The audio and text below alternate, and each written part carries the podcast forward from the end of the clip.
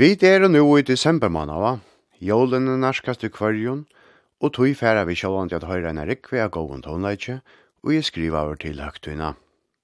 Det har vært blant av tonleiker i verre i sendingen i desember, men felaks for at lærer at tala ned om jåla tonleik. Vi løtte fire vi at høyre polones fra Christmas Eve svitene etter russiska tonaskalder Rimski Korsakov. Som han skriver i middelen 1845 og 1855. Det var The Royal Philharmonic Orchestra som framførte. Vi flyt okkur nu Russland til Ånglands og fer at høyra A Carol Symphony etter brettska tonaskalde Victor Haley Hutchinson.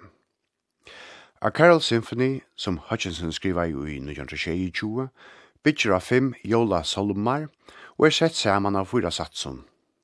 Heser eita Allegro Energico, scherzo, allegro molto, andante quasi lento. Og sørste satser eitir allegro energico come prima. Det er The City of Prague Philharmonic Orchestra under Lashla av Gavin Sutherland som framfører Gir så vel.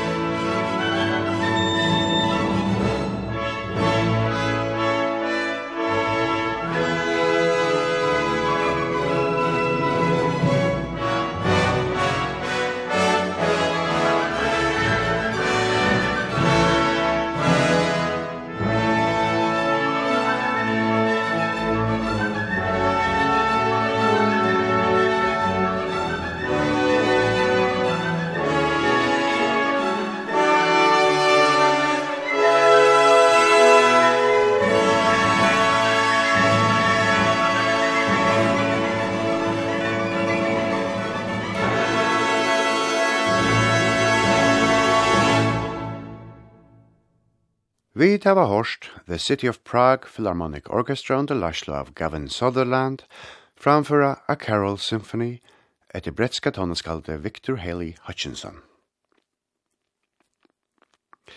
Sir Malcolm Henry Arnold var fødder i 1921 og var, som sagt, engst tonnaskald, dirigenter og solotrumpetister i London Philharmonic fra 1924 til 1948. Her han eisne dirigerer og komponerer til orkestret. Han er beskrivet en erikve av tonleidje, her i middelen tølv symfonier, flere konserter, orkesterversk, opereier, balletter, omframt filmstonleik, og stikkje, og vid nufærd høyra, er nemlig av filmstonleiker ur filmen The Holly and the Ivy fra 1922 trush. Stikkje eiter Fantasy on Christmas Carols, og det er som sagt bretska tonneskalder Malcolm Arnold som er beskrivet til Royal Philharmonic Orchestra som fyrir framfyrir næstu løtene.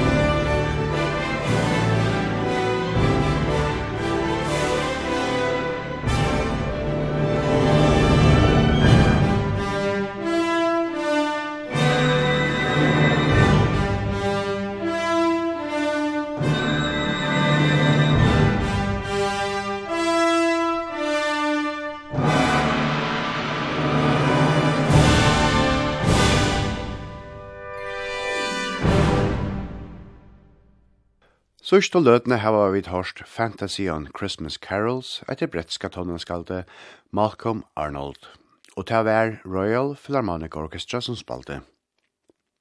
Så flyta vi dokkene sinter, men ikkje så lengt, vid viraverande i Brettlandet, og skulle høyra en utsetting av tradisjonelle jolasolmenon Tomorrow Shall Be My Dancing Day. Til bretten John Rutter som hever utsett, og til atter The Royal Philharmonic Orchestra som framfører, og til er Farnham Youth Choir, etla ungdomskår som synker.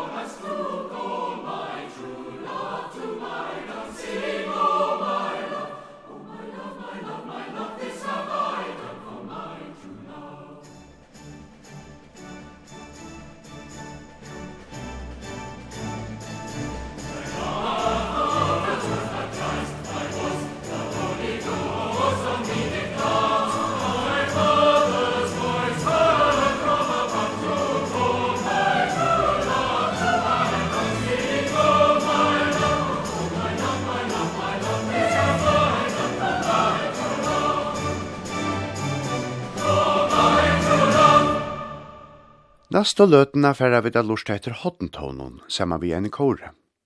Ta verur hoddenarkestre Provincial Brass Band Groningen som spelar og korbølgen The Gents som synger solmen in The Bleak Midwinter etter bretska tonen skal til Harold Dark. Kjer så vel.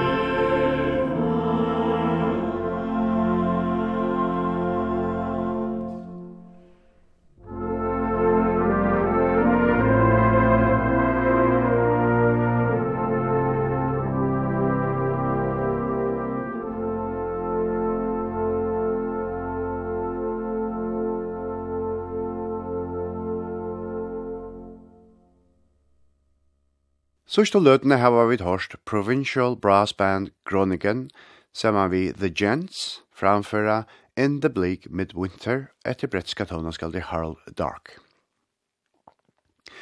Tøy en gang kjøtt, og vi er langt kommet til sørste tona i det. Vi enda vi er jola sirspo, etla Christmas Medley, som leia etter.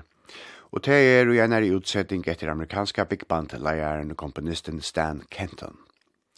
Det er vera Boston Brass og The Brass All Stars Big Band som framføra. Færre at enda takk at ikkon kunne ha lort et sendingene. Sendingene og i dag gjør det Olav Rolsen og Kari Anand Berg, og en takk til Barbara Olavstøtter og jeg har funnet hånda ikke fram til sendingene. Tilbyr at høyra sendingene atter tar hun verur enda kjent mannakvöld klokkan 22, omframt tar hun verur løgt ut av heimasyna tjokkringbarfnån. Færre sier innkjent ikke til knøtlen en gåan sunnudag det.